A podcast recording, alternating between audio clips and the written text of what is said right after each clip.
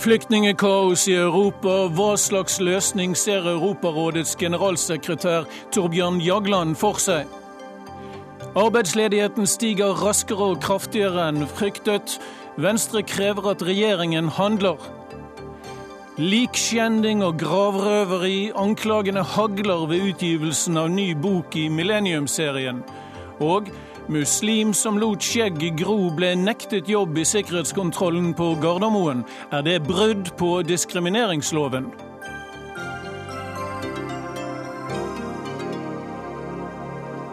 Dette er Dagsnytt 18, hvor vi også skal snakke om forfatteren Agnar Mykle. Ved 100-årsmerket for hans fødsel har han fortsatt litterær appell, spør vi. Og i studio i kveld sitter eh, Ole Torp. Og Vi begynner altså med flyktningene. Først da generalsekretæren i Europarådet kom med en skarp irettesettelse mot landet sist uke, åpnet Makedonia grensene for flyktninger og opphevet unntakstilstanden. Myndighetene i Makedonia fastholder imidlertid at landet bare vil slippe inn så mange som de kan gi det de kaller en forsvarlig behandling. Generalsekretær i Europarådet Torbjørn Jagland, velkommen hit. Er du tilfreds med denne delvis gjenåpning av grensene i Makedonia? Det som eh, jeg har grunn til å være tilfreds med, er jo at eh, de nå vil behandle de som de slipper inn, eller kommer til grensen på en eh, ikke bare anstendig måte, men i samsvar med de forpliktelser de har tatt på seg under den europeiske menneskerettighetskonvensjonen.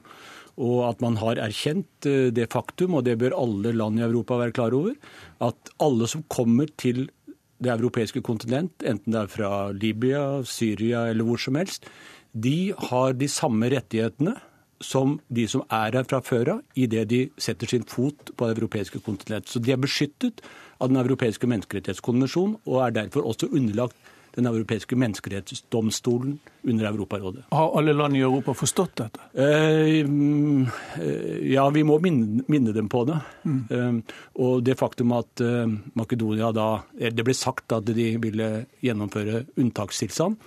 Det har man ikke tillatelse til uten at man først melder det til meg som generalsekretær og begrunner hvorfor. Og så må domstolen i Strasbourg si om det er gyldig eller ikke. Så det er rettsstat på europeisk nivå som eh, vi nå ser eh, fungerer. Men det er klart at det er veldig mange land som er under et sånt press at det er vanskelig å forholde seg til det. Mm. Vi hører en viss nøling. Hvis dere tar på dere høretelefonene mine her, så skal vi gå til Jan Espen Kruse, vår, eh, vår, medarbeider som er på reise i områdene i Makedonia over grensen til Serbia, og nå i kveld på grensen til Ungarn, hvor titusenvis av mennesker altså er på flukt. Og Jan Espen Kruse, hva har du sett i dag?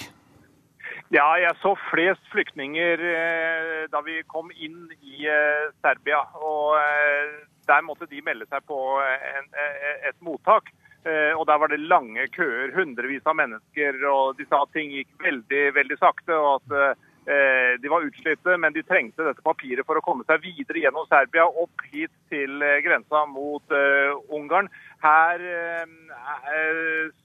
ligger en bensinstasjon bare noen hundre meter fra grensestasjonen. Og her er det en del eh, flyktninger som holder til og venter på en anledning til å komme seg over på den eh, andre siden. Eh, underveis har vi også sett en del av disse bussene for myndighetene både i Makedonia og i, her i Serbia.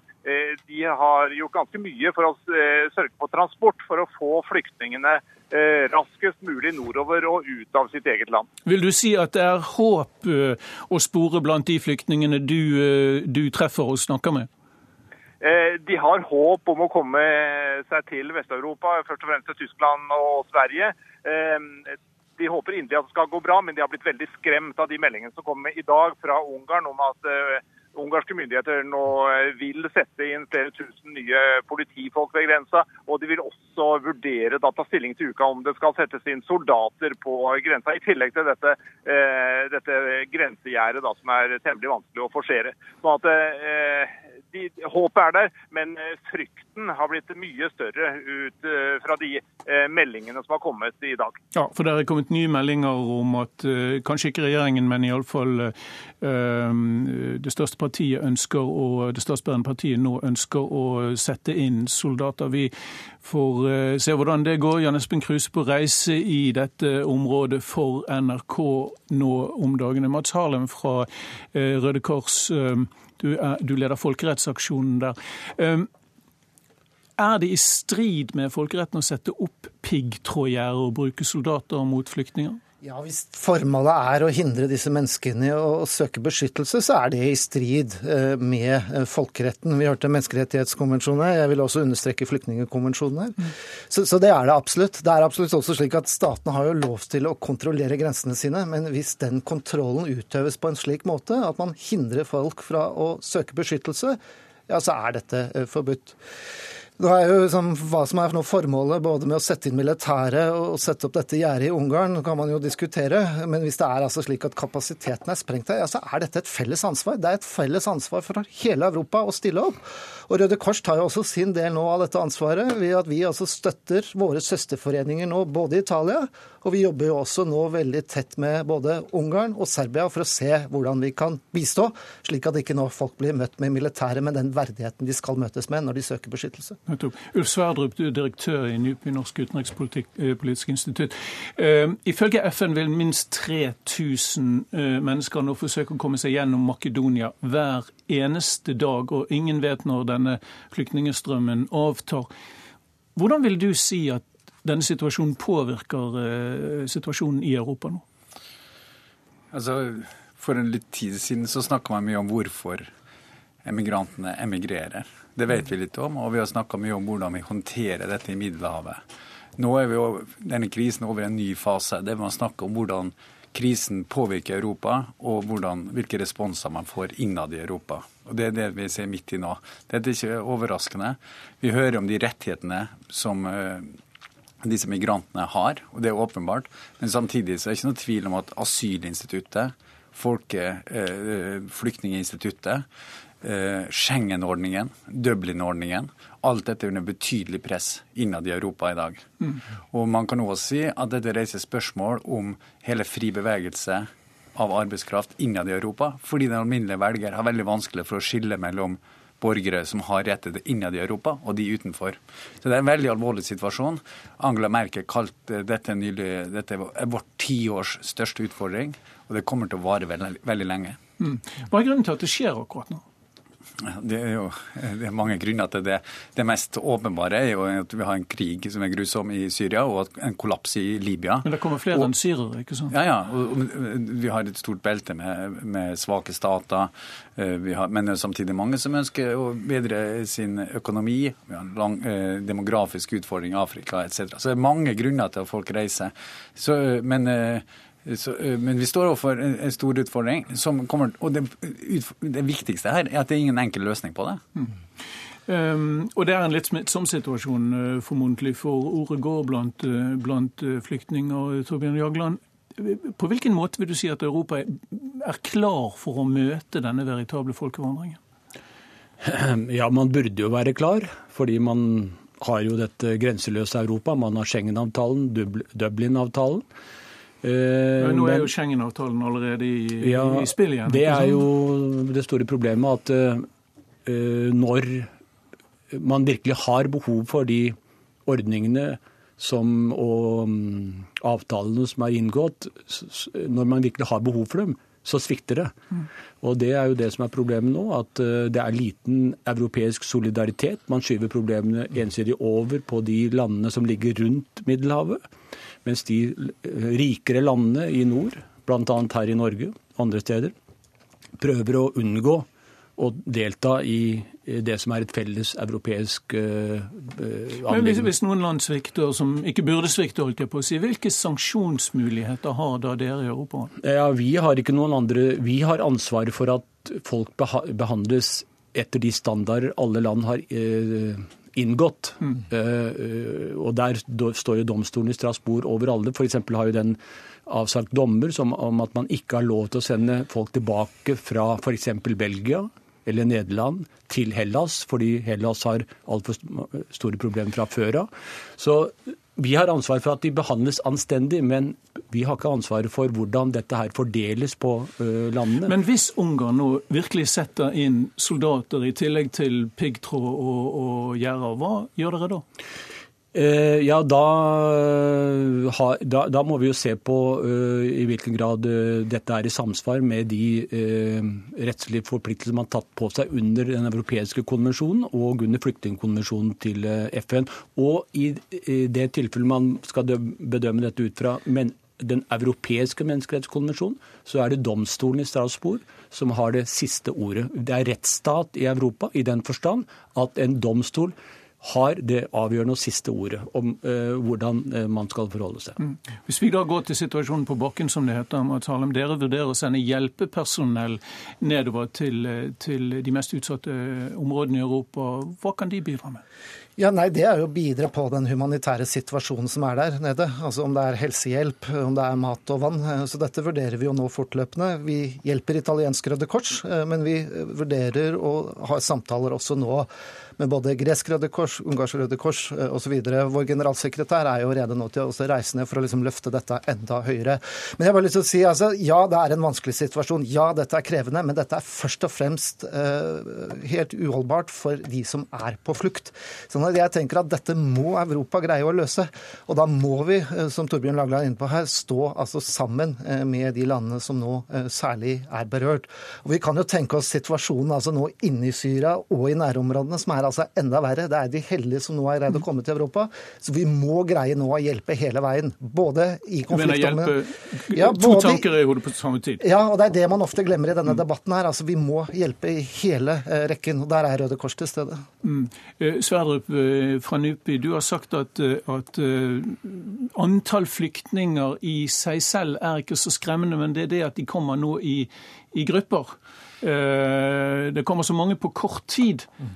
Er det altså, det som er problemet? Altså, eh, for 25 år siden så var Ungarn det første landet som klippet grensa med Østerrike-Ungarn. Og Da ble en stor, stor innfluks fra Øst-Europa. 56 det samme. Eh, og Siden 2004 har det vært en voldsom økning i mobilitet internt i Europa. Dette har Europa håndtert på en utmerket måte. Det som er situasjonen nå, er sånn som du sier, at det er mange som kommer, og vi vet ikke helt når det tar slutt.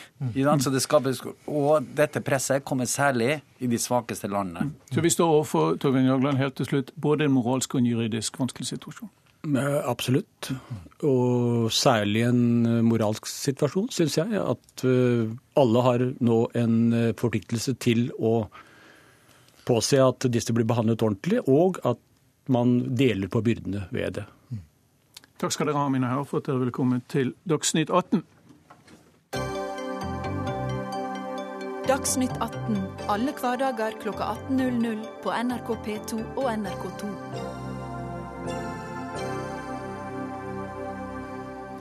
Nå arbeidsledigheten som stiger kraftig. I juni var over 124 000 mennesker helt uten arbeid her i landet.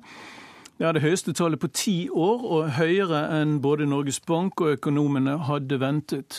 I dag møttes regjeringen for å diskutere neste års budsjett, med de dystre ledighetstallene nettopp som bakteppe. Kari Due Andresen, du er sjeføkonom i Handelsbanken. Um, Arbeidsledigheten har altså steget raskere enn forventet. Du har sagt det og bekreftet det eh, overfor E24 i dag. Hvor bekymret er du, la oss si, på en skala fra 1 til 10? Ja, Det er litt vanskelig å tallfeste, men vi begynner å bli eh, bekymra nå. Så på en sånn type skala så kanskje jeg er et sted over midten, si f.eks. sju. Eh, men som sagt, dette er bekymringsfullt, fordi nå tar ledigheten seg opp vesentlig raskere enn vi har venta. Eh, den har hatt en stigende trend gjennom et år, eh, mens nå helt de siste månedene så, er, så, tiltar veksten ganske så markert, og det er bekymringsfullt. Men vi er fremdeles godt under både Sverige og Danmark, er vi ikke det? Jo, men det er ikke nødvendigvis en god sammenligning. Vi må se på hva som er normalt for Norge. Eh, og her i Norge så er kanskje en gjennomsnittlig ledighet rundt en 3,5% og nå er vi da på 4,5 mm. 4,5, og du tror det vil stige fortsatt?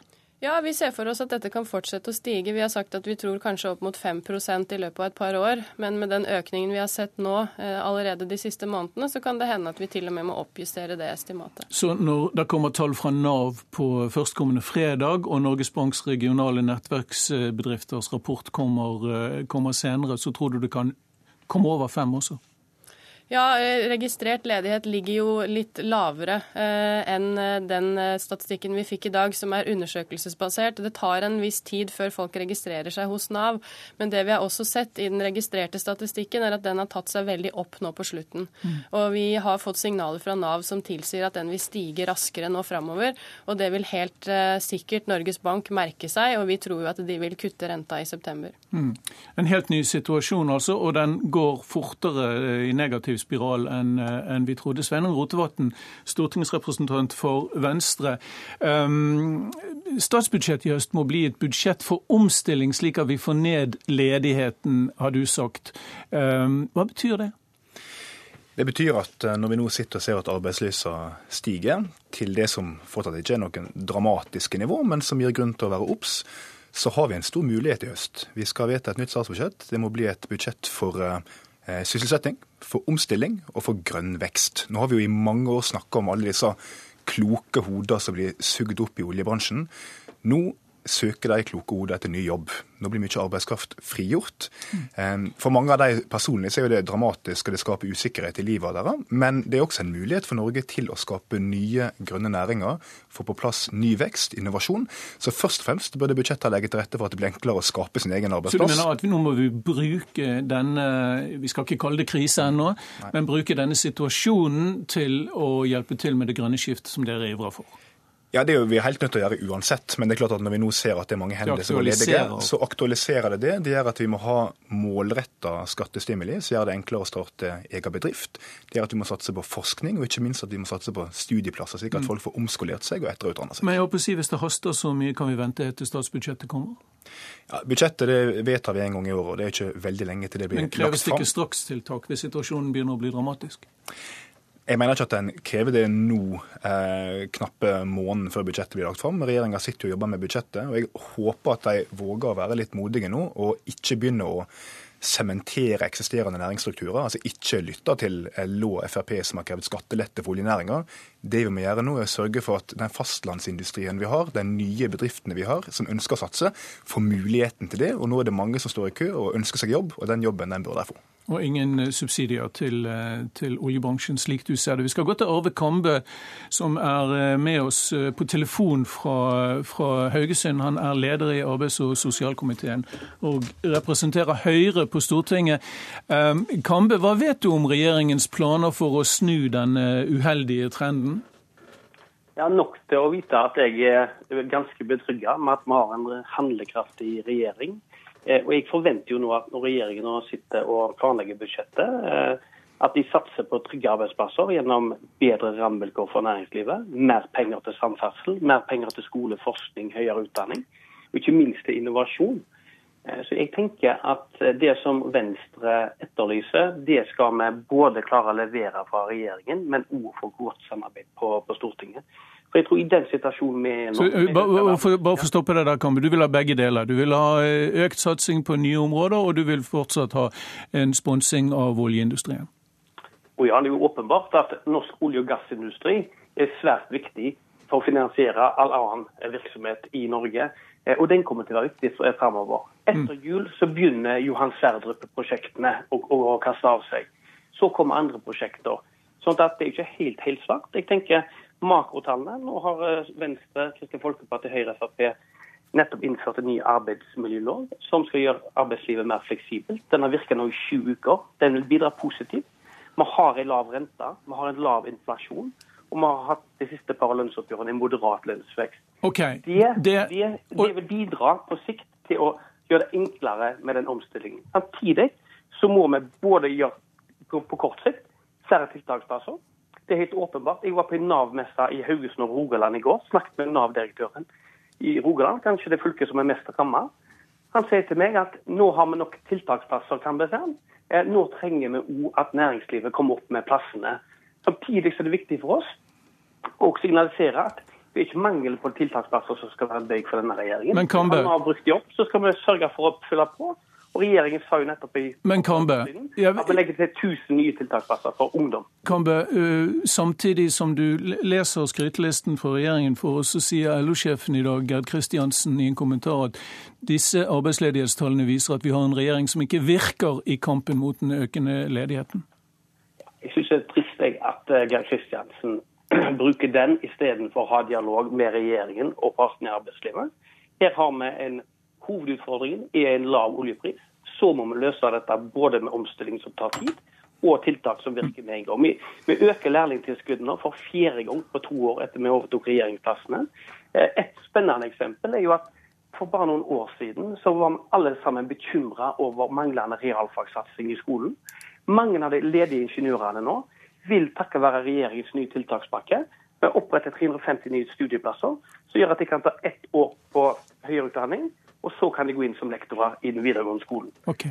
Uh, Svein Rotevatn, her, her, kommer oppskriften. Uh, ja, noe av det. Og Jeg vil jo si at jeg er for enig i karakteristikken av LO, men jeg vil si at LO har hatt et konstruktivt innspill som kan være verdt å se på. og Det er at det skal bli enklere å kombinere dagpenger for de som går arbeidsløse, med det å gjøre ferdig utdannelse. Det er jo mange som eh, har eh, hoppa av utdannelse for tidlig for å ta seg godt betalte jobber, som bør fullføre det. og Da bør en legge til rette for det økonomisk. Men jeg, jeg, tror ikke det er, jeg tror ikke det er tiltaksplasser som skal få oss gjennom denne omstillinga. Eh, et eksempel på noe vi bør gjøre, hvis en nå skal bruke mer penger, er å bruke mye av det på alle de gryteklare samferdselsprosjektene som vi har på jernbane, som vi har på kollektivtrafikk i de store byene. Det vil suge opp i seg mye av den samme arbeidskrafta som nå går ledig, mye ingeniører bl.a. Det er én ting det var fornuftig å bruke mer penger på i budsjettet. Og så vil jeg jo si at Vi ser jo en del lyspunkt òg. Altså, det grønne skiftet er i gang, og pga. budsjettgrepene har gjort, så poppa det nå opp nye arbeidsplasser. Senest i går så kom gladmeldinger om at eh, IBM og Rital går inn med store penger i Leftal Mining, som er i min kommune i Sogn og Fjordane. Der får jeg nå nye grønne arbeidsplasser med grønn datalagring, og slikt må vi se mye mer av. Så noe er på gang. Og Kari du Andresen, er, høres det ut som politikerne har oppskriften på å løse problemet? Det er jo mange gode lovnader her. Problemet med finanspolitiske tiltak er at det tar tid før de virker. Før det slår eh, inn. Før det slår inn. Mm. Eh, og nå stiger ledigheten raskt, og mye raskere enn vi trodde tidligere. Både vi og Norges Bank, og for så vidt også regjeringen trodde. Eh, så det jeg mener her, at her må Norges Bank komme på banen, som, som for så vidt politikerne også sier skal være førstelinjeforsvaret. Og de må sette ned renta i respons på det vi ser med norsk økonomi. Tror du renten blir satt ned ytterligere? Jeg tror den blir satt ned, og så spørs det hva Norges Bank presenterer av videre renteplaner. Jeg tror at renta kanskje må settes ned enda videre. I hvert fall så må planlagte renteøkninger skyves enda lenger ut i tid. Men helt til slutt, er du ikke redd for at med ytterligere rentenedgang vil mange familier og husholdninger løpe den risken at de tar på seg for store lån igjen? Det kan være en risiko, men hvis du f.eks. tenker på boligmarkedet, så ser vi allerede i de mest ramma områdene at boligprisene nå faller. Så folk er bekymra for det som skjer, og det dominerer da i disse mest utsatte områdene eh, den effekten av at renta er lav. Takk skal dere ha begge to for at dere kom til eh, Dagsnytt 18 og diskuterte eh, arbeidslivsproblemer.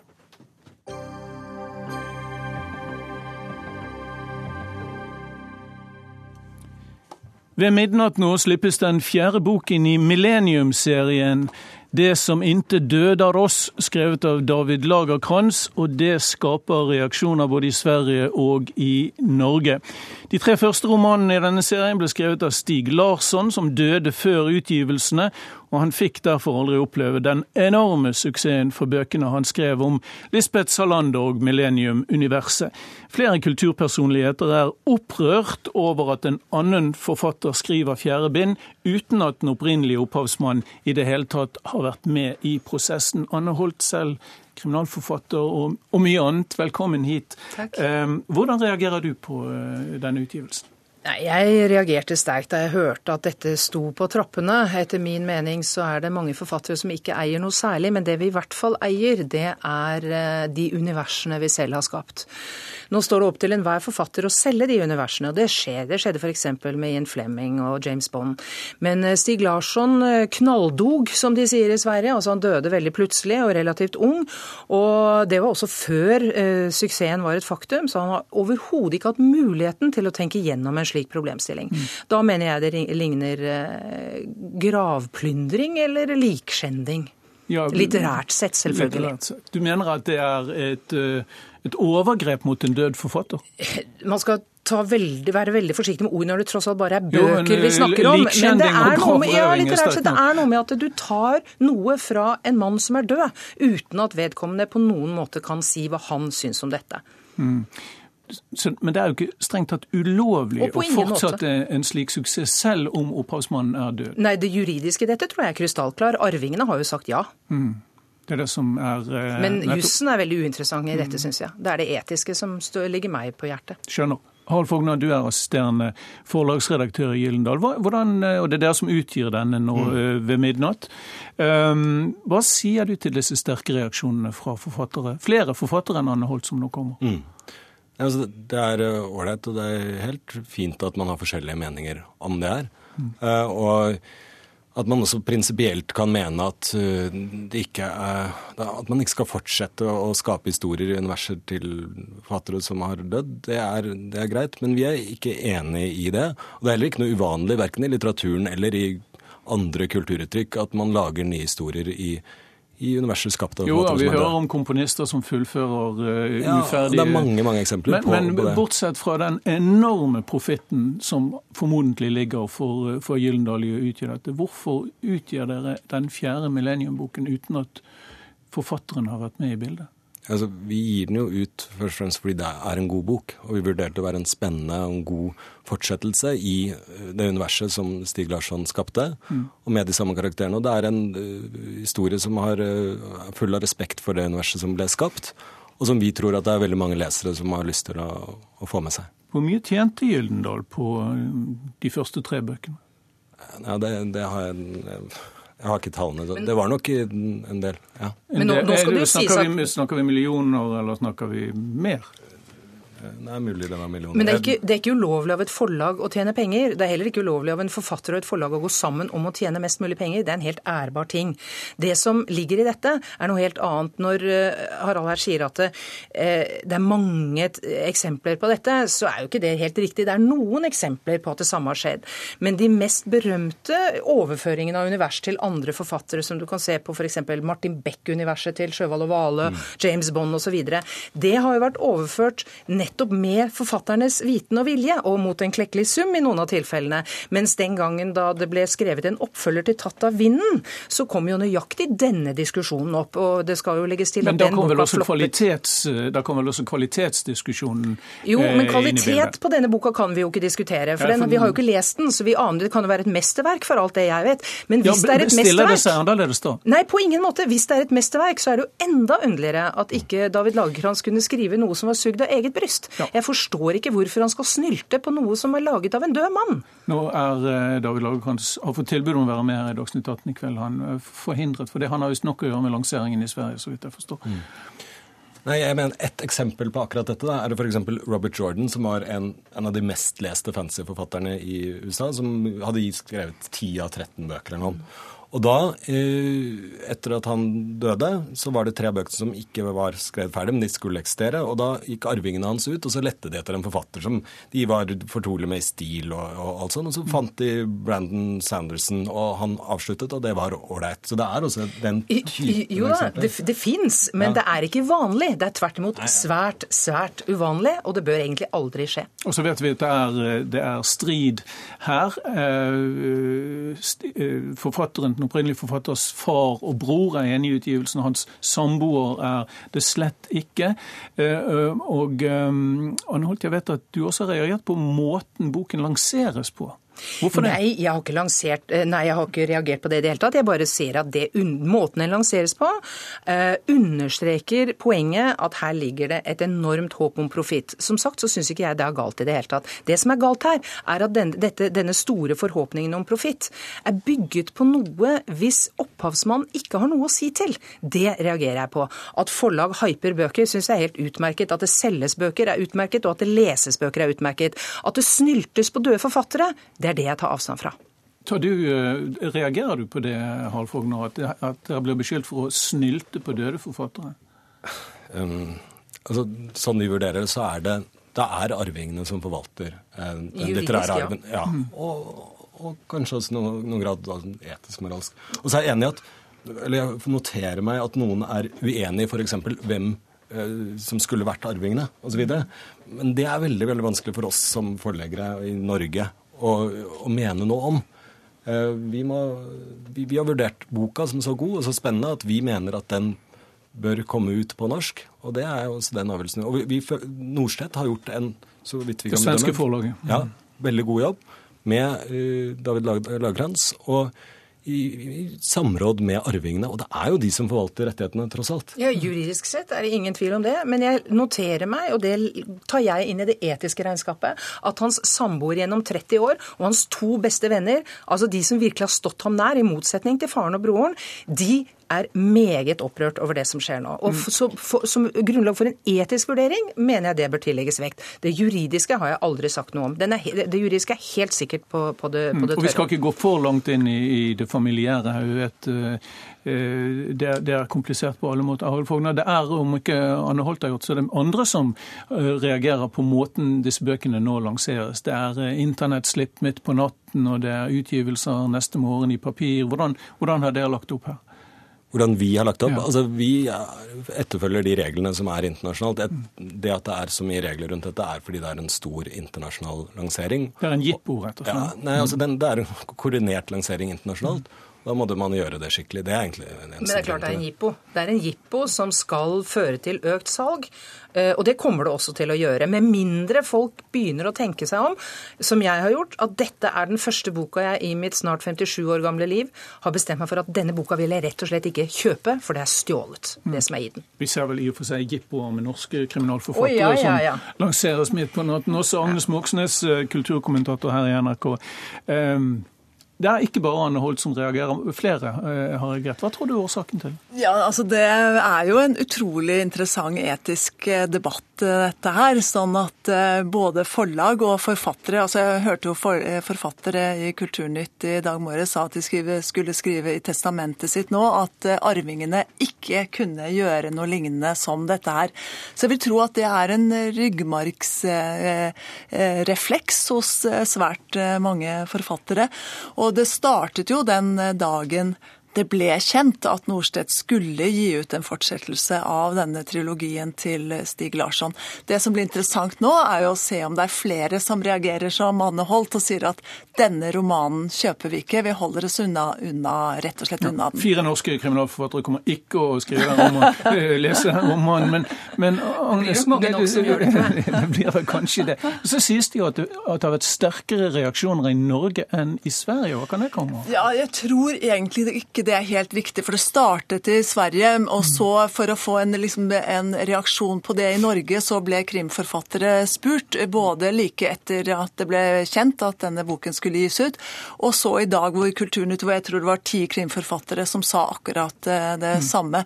Så, så det er vel rett og slett bare fordi de svenske krimforfatterne ikke er blitt spurt, tenker jeg. Det kan jeg nok kommer like kommer nettopp fra en festival med, en, med 55 svenske krimforfattere, og jeg kan fortelle at det, i Sverige er også reaksjonene ganske så sterke. Og det har vært mye avisdebatter, og debatter som denne også i Sverige. Men eh, Agnes, som han har holdt var inne på, det er ikke noe nytt i litteraturhistorien at romanserier følges opp av, eller romaner følges opp av andre forfattere. Nei, og det har hun har jo nevnt et, Mm. par av, av tilfellene. Og når det gjelder altså Margaret Mitchell og Tatt av vinden, så kom det jo en bok som het Scarlett. Og det som skjedde da, var jo at anmeldere og de som elsket Tatt av vinden, gikk inn på den boken og regelrett slaktet den fordi at den inneholdt så mange feil, og den levde overhodet ikke opp til forventningene kommune. Nå får vi jo se. altså Nå har akkurat den første anmeldelsen på denne romanen, den nye David Lagerkrantz-romanen kommet i Sverige nå.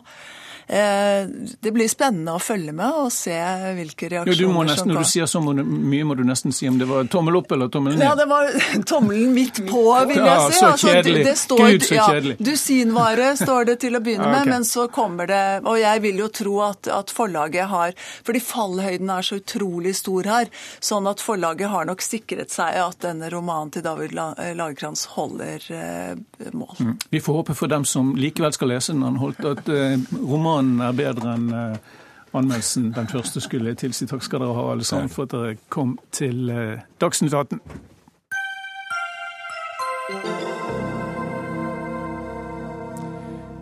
Ukens foreløpig mest debatterte politiske utspill høres slik ut. Ja, for det ble et veldig bra resultat. Fantastisk resultat. Altså Det betyr at dette relativt enkle tiltaket har ført til at det er mindre narkotika i Oslo fengsel. Ja, det kan man si. Kan vi nå føle oss litt tryggere i eh, landet når eh, beredskapstroppen er eh, under ytterligere oppbygging enn det en kunne gjøre tidligere? For eksempel?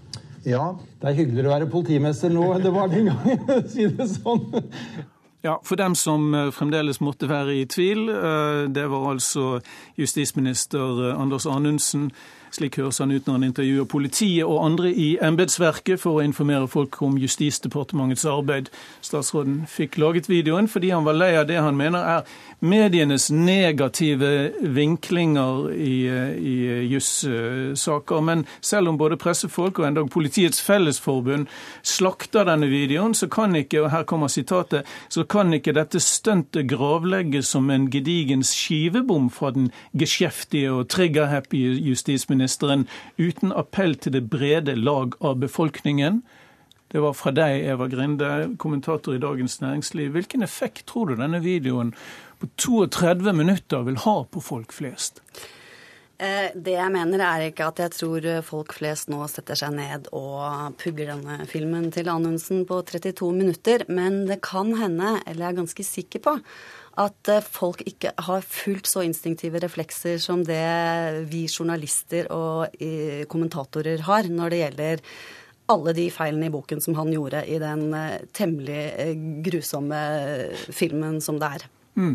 Men uh, det er vel litt sånn uh, mission accomplished. Han har iallfall fått reklame for uh, departementet sitt og politikken sin. Ja, jeg, har, jeg får en sånn liten følelse at liksom, Tenk hvis han visste hele veien hva, hva han gjorde her. for det er jo en helt vanvittig deling. Og det, det sa jo bare poff i mediene, og denne, denne ble lagt ut på, på nettsidene til departementet på, på mandag. Eh, det var en vanvittig reaksjon. For han iscenesetter jo dette her eh, inn i en sånn historie med den tapre motstandspolitikeren versus elitejournalistene som bare mener noe helt annet og bare er negative. Og Derfor kan kanskje denne filmen ha en relativt bred appell, da? Ja, det er det eh, Eller i hvert fall den eh, kritikken av pressen, den tror jeg det er en del gehør for, og det også utover Frp-kretser. Er det sant? Er det folk der ute som ikke liker pressen? Det er, jeg har hørt rykter om det, dessverre. Det var fantastisk. Kjell Terje Ringdal, du er eh, førstelektor ved Markedshøgskolen og har jo fartstid fra PR-bransjen også. Hvordan tror du justisministeren og departementet har tenkt når de laget denne filmen? Ja, fordi Dette er jo helt vilt. Ehm, hele prosjektet er så vilt at man kan lure på Altså det er to muligheter. og Det ene er at eh, man har ikke tenkt, eller at man har tenkt. Hva tror du? Jeg tror, eh, altså Sånn som jeg ser det nå, så tror jeg at man har tenkt. Man har tenkt nå binder vi oss fast i masta. Så får vi kjeft av eh, sånn ca. 70% av eliten og mediene og alle de som vi vet er sure på oss. Men så vinner vi fram i sånn mellom 20 og 30% av de som liker oss litt, og de som liker oss mye. Og så styrker vi vår posisjon i de leirene hvor vi allerede har en del venner. Så du tror det er kald beregning? Ja, jeg vil tro det. Fordi eh, det går nesten ikke an å være så merkelig, for å si det mildt, eh, at man gjør dette uten å ha tenkt seg om. Mm. Fordi man begår jo alle feil. Man kritiserer eh, journalister. Justisministeren blir, holder et partsinnlegg mot den frie journalistikk. Man bruker underordna tjenestemenn som intervjuobjekter, og de blir da intervjuet med en sånn slags psykologisk revolver. Nå har jeg hørt gjennom og lest og sett hele videoen på 32 minutter. Eh, alle spørsmål fra intervjuobjektene begynner med 'ja, det er helt sikkert at'.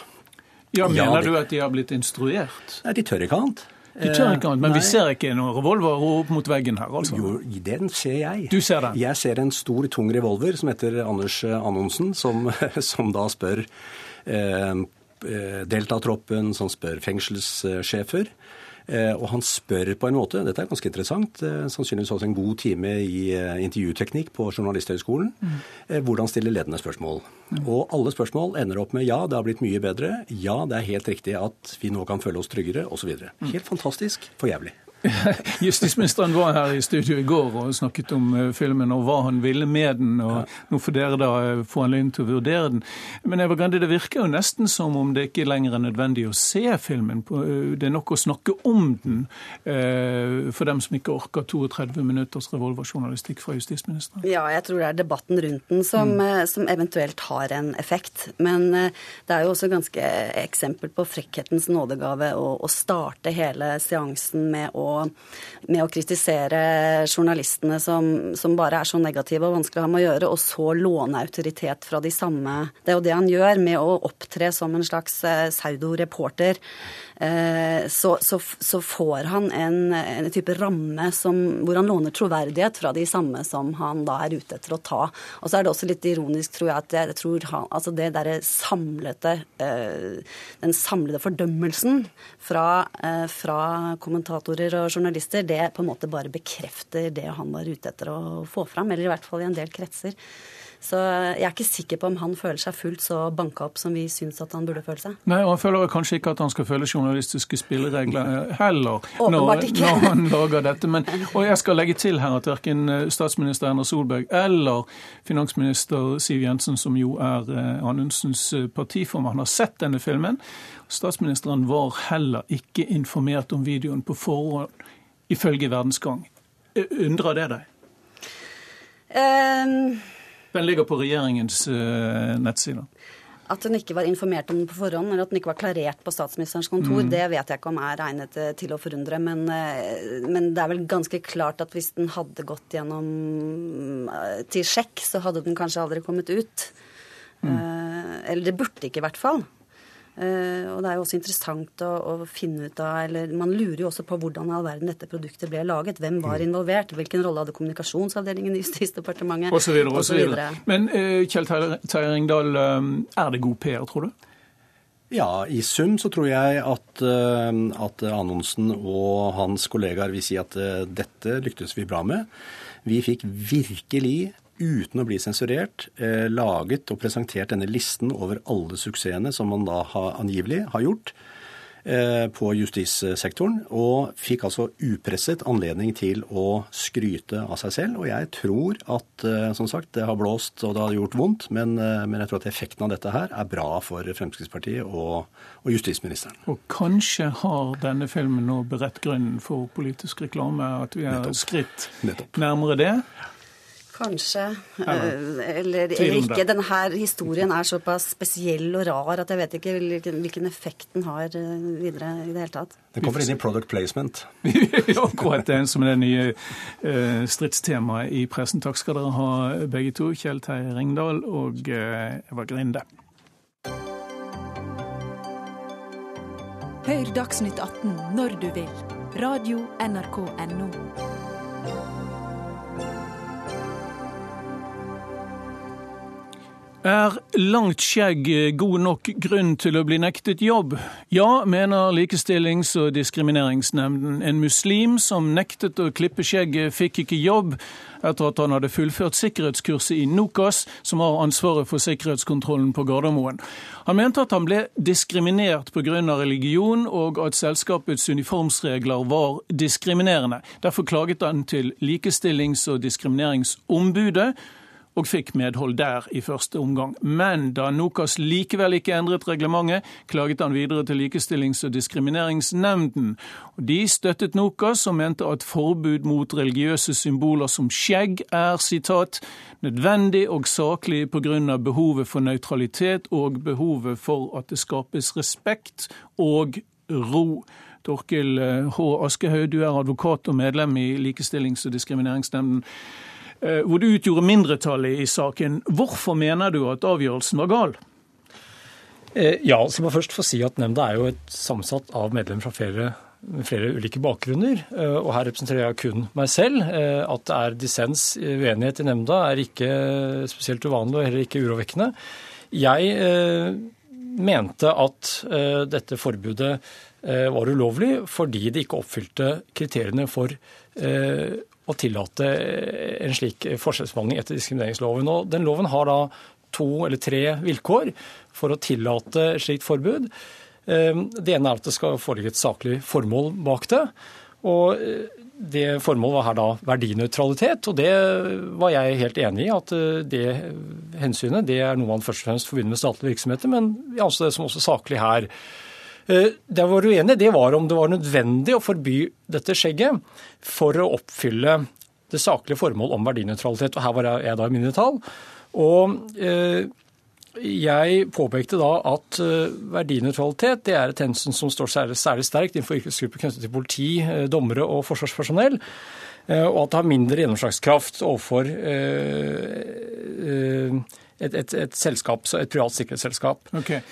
Mener du at dette, dette, vedtaket åpner for økt, økt og flere forbud mot religiøse symboler i arbeidslivet?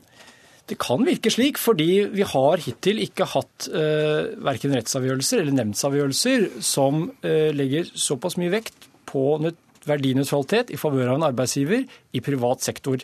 Vi kjenner det fra debatten om hijab i politiet, eh, religiøs hodeplagg for dommere etc., men ikke privat sektor. Så dette er den første avgjørelsen vi har som, så, som tillegger verdinøytralitet såpass mye vekt i favør av arbeidsgiver i privat sektor. Så du mener denne kan sende et uh, feil signal?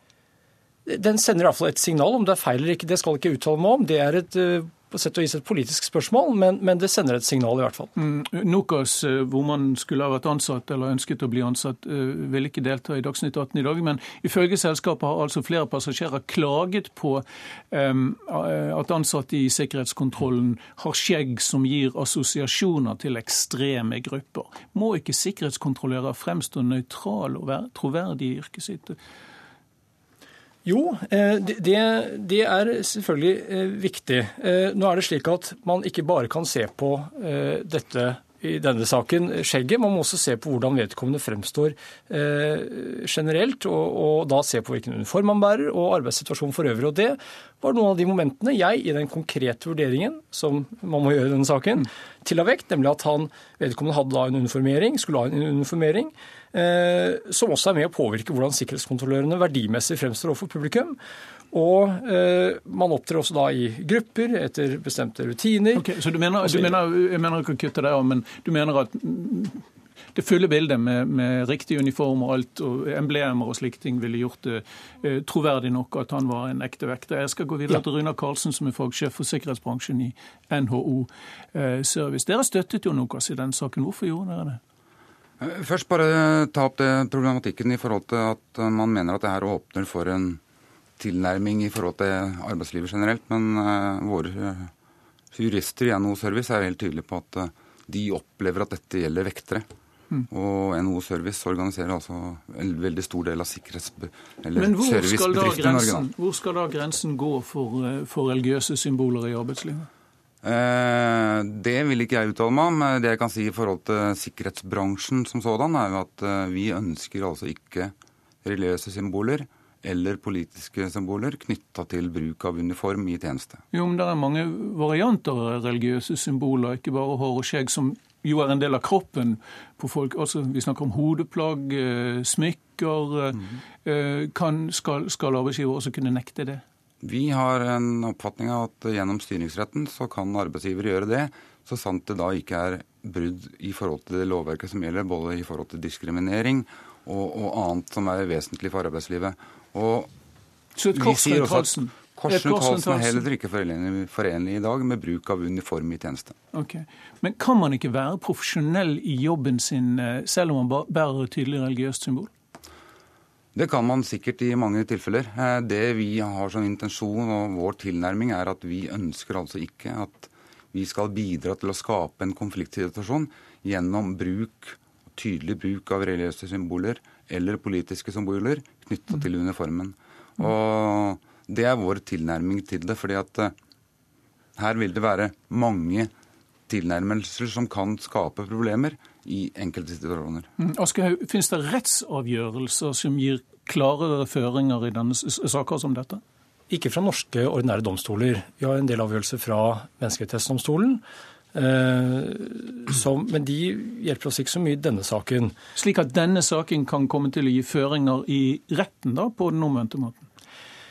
Nemndas avgjørelse har nok begrenset rettskildemessig verdi, i hvert fall hvis det er én enkeltavgjørelse og for domstolen når de skal vurdere saker. Men det er klart en viss betydning kan det ha. Ja, kan ha en betydning, ja. Um, skjegg er jo, Karlsen, populært igjen blant, blant hipsterne, holdt jeg på å si. Og ikke-religiøse kan de være, for alt jeg vet. Det er jo ikke mangel på unge menn med skjegg og, og topp på hodet og alt mulig sånn. Kan, kan, ansatte som henger seg på moteretninger som langt skjegg, også få problemer? Det vil jo være en forskjell i detalj på hvordan uniformsreglementet er utforma i den enkelte bedrift. Der vil du kunne se forskjeller i forhold til det knytta til sikkerhetsselskapene i Norge.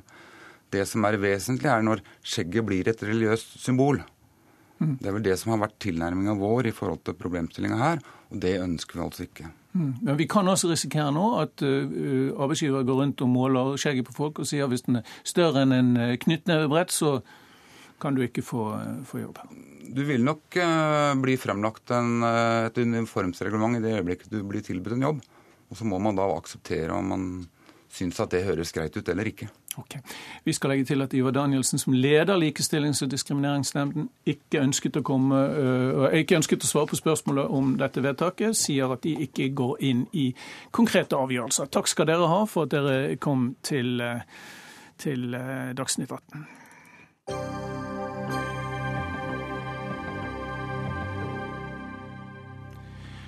Han var en av Norges mest myteomspunne forfattere, og en av de mest hemmelighetsfulle og skandaleombruste også. Nå i august er det 100 år siden Agnar Mykle ble født. Han feires med en serie seminarer og foredrag. Mest kjent ble han selvfølgelig for prosessen mot romanen 'Sangen om den røde rubin', som utløste forrige århundres mest intense moral- og kulturdebatt i Norge. Det avsies sånn Agnar Mykle og Harald Vollan Grieg frifinnes. Gyldendal Norsk Forlag AS dømmes til i medhold av straffelovens paragraf 323 og tåle inndragning av de eksemplarer av skriftet 'Sangen om den røde rubin' som befinner seg hos forlaget, eller for dettes regning hos bokhandlerne. Det var altså fra domsavsigelsen i Oslo byrett 10.10.57, og saken gikk jo enda videre. Helene Uri, velkommen, forfatter og språkforsker. Var du en av dem også som leste sangen om den røde rubinen med lommelykt under dynen? Nei, jeg leste den på lesesalen som student. Og så mm. leste jeg resten av hans forfatterskap rett etterpå, for da ble jeg ganske forelsket i, i bøkene hans. Du ble betatt. Hva ble du betatt av?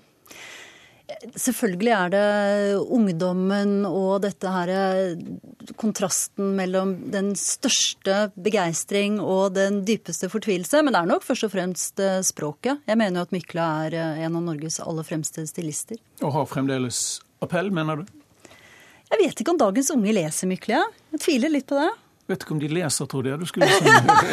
Anders Heger, du skrev jo den store biografien om, eh, om over, over Ragnar Mykle, 'Et diktet liv' i 1999. Um, la meg spørre deg om disse årene etter uh, Rubin-prosessen. Forfatteren og forleggeren ble frikjent. Boken ble dømt som utyktig. Ja, ja. og det er, bare det er jo en veldig underlig dom. Mm.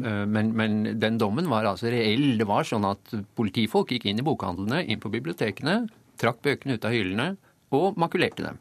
Så det er en, helt reell eh, sensurdom av type fra regimet vi ikke liker å sammenligne oss med, som det heter. Og Vi får jo for unge, unge lyttere eh, da legge til at det var, det var de seksuelle beskrivelsene særlig. Ja som, eh, som gjorde utslaget her, ble, ble, betraktet som pornografiske på den tiden. Ja, eller utuktige, som det het den gang. Uh, og Det var ganske spesielt det at han er den første i norsk litteratur som behandler uh, fellatio, altså munnsex. Mm. Uh, men, men, det er jo det er på overflaten. Under det så ligger det et sjikt som ligger i det at han i sin litteratur går virkeligheten veldig nær. Mm. Sånn at de seksualskildringene hans skjønner leserne, i hvert fall datidens lesere, og, og, det er reelt for dem, for oss spiller jo ikke det noen rolle, at det er ekte mennesker bak, som han altså har hatt uh, en eller annen form for historie med. Og det gjorde det gjorde nok sitt til at de moralske reaksjonene i samtiden ble veldig mye strengere. For da er du inne i en, en, helt annen etisk problemstilling. Nå har vi diskutert etikk og litteratur før i dag, jeg skal ikke bringe tilbake dit. Men til ditt spørsmål. boka ble altså dømt, og han har skrevet mye om sitt eget liv. Det setter Mykle i en veldig vanskelig situasjon når han skal gå videre, for han er han har fått høre, han har fått landets dom på, juridiske dom på at det han driver med er umoralsk. Og det gjør det veldig vanskelig for ham å gå videre. I tillegg så led Mykle allerede på forhånd av en nok noe forstørret selvbilde, for ikke å si stormannsgalskap. Og det eh, er vanskelig å ta videre etter noe sånt. Mm, men det, dette aspektet ved at, ved at uh, det var personlige og gjenkjennelige personer, uh, mener du altså styrket saken mot ham, eller, eller styrket saken mot dommen. Jeg husker i, altså, i Bergen var det mange mennesker som kjøpte boken for ja. å se om de var i den. rett Og. Ja, altså, litt, og det var de for en stor del. Dette minner jo om en svær litterær diskusjon som går i disse dager, nemlig Knausgård-debatten. Mm. Uh, I hvilken grad kan du bruke virkeligheten som litterært grunnstoff, og hvor gjenkjennelig kan du gjøre det? Dette er jo noe du kjenner hvor, godt i også. og hvor intimt kan man gjøre det, uh, Nuri? Og Mykle ble jo et verb på den tiden. Ja, det ble det. Det er jo stilig at litteraturen virker inn på allmennspråket på den måten. Dette mm. var jo noe man tok i bruk som et sånt uh, verb med ganske vid betydning, tror jeg. Ja, hva, betyr, hva, hva betyr det, Mikkel? Jeg har alltid oppfattet det som å gjøre et eller annet, la oss si utuktig, da, siden Ja, noe litt småsnuskete, men det er jo samtidig et koselig altså, det, er, det er som du sier Småsnuskete, ja. men litt koselig også? Småsnuskete kan det absolutt være litt koselig, Ole. men, men, men uh, ja. Jeg har veldig lyst til å si noe hvis det er tid til det. fordi jeg har lyst til å si at jeg har relest Mykle nå i forbindelse med jubileet. Eh, han, man kan jo si mye om hans kvinnesyn, og han var jo en mann av sin tid. Men jeg må si at de seksuelle skildringene av eh, kvinner, det er veldig bra. Altså, der er han eh, det respekterer jeg han for. Du føler deg ikke forulempet? Nei, ikke i det hele tatt. Han er jo ganske Han er ikke egoistisk uh, i sengen, den godeste Ask Burlefot. Han er Nei. Og, og, den feministiske diskusjonen rundt Mykle er jo veldig Det er en svær diskusjon som vi ikke kan ta, men det som det ikke er noen tvil om, er at han løfter frem noe helt unikt i sitt forfatterskap, nemlig den eh, mannlige ømheten. Som er altså, og det gjør han i en tid hvor den, ikke, hvor den også nærmest er tabu. Å snakke om at det finnes en voldsom ømhet, en ømhetstrang hos unge menn. Dette tar han opp, og han skildrer det på en, ja, jeg er helt enig med deg, på en helt fantastisk måte. Både språklig, men også innholdsmessig. Og også i andre bøker enn 'Sangen om den røde rubin', som kanskje i noen tilfeller skygger litt for hans eh, resterende forfatterskap. I noen tilfeller? Er du gal? Eh, dette her, det, var, det var, som du sa, norgeshistoriens største litterære rettssak. Men det var etterkrigshistoriens største rettssak overhodet, altså mediemessig. Det var større mediemessig fokus på denne enn på saken mot Quisling eller Hamsun. Og det sier jo sitt, altså. Mm. Eh, så, så, og, og, den boka hadde et kjempeopplag. Hans øvrige litteratur var solgt helt vanlig. Dessverre. Mm. Ja, for det er mye godt der, Elene Uri, som, som vi gjerne skulle sett uh, trykket opp igjen i dag. Les novellene hans. Les mm. 'Lasso rundt fru Luna'. Les Rubicon. Mm. Og så var det vel en ironi på et sett og vis at Mannen som slaktet ham i Aftenposten for sangen om Røde Rubin, var ingen ringere enn eh, Ja, det var jo Bjørneboe, men de ble etter hvert eh, verdens beste venner.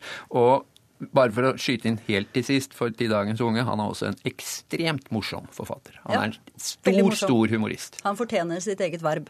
Han fortjener sitt eget verb. Og eh, du skal snakke litt om mykling på et, eh, på et eh, foredrag i et seminar i Ask... Mykleseminar i Gyldendal neste, neste uke. Ja. Og mer blir det om ham, selvfølgelig, i denne hundreårsperioden vi er inne i nå. Mer rekker dessverre ikke vi her i Dagsnytt 18, men takk skal dere ha begge to, Helene Uri og Anders Heger, for at dere kom til Dagsnytt 18 i kveld. Dermed er eh, sendingen over. Ansvarlig for sendingen var Ingebjørg Sebu. Teknisk ansvarlig var Frode Thorshaug. Og jeg heter Ole Torp.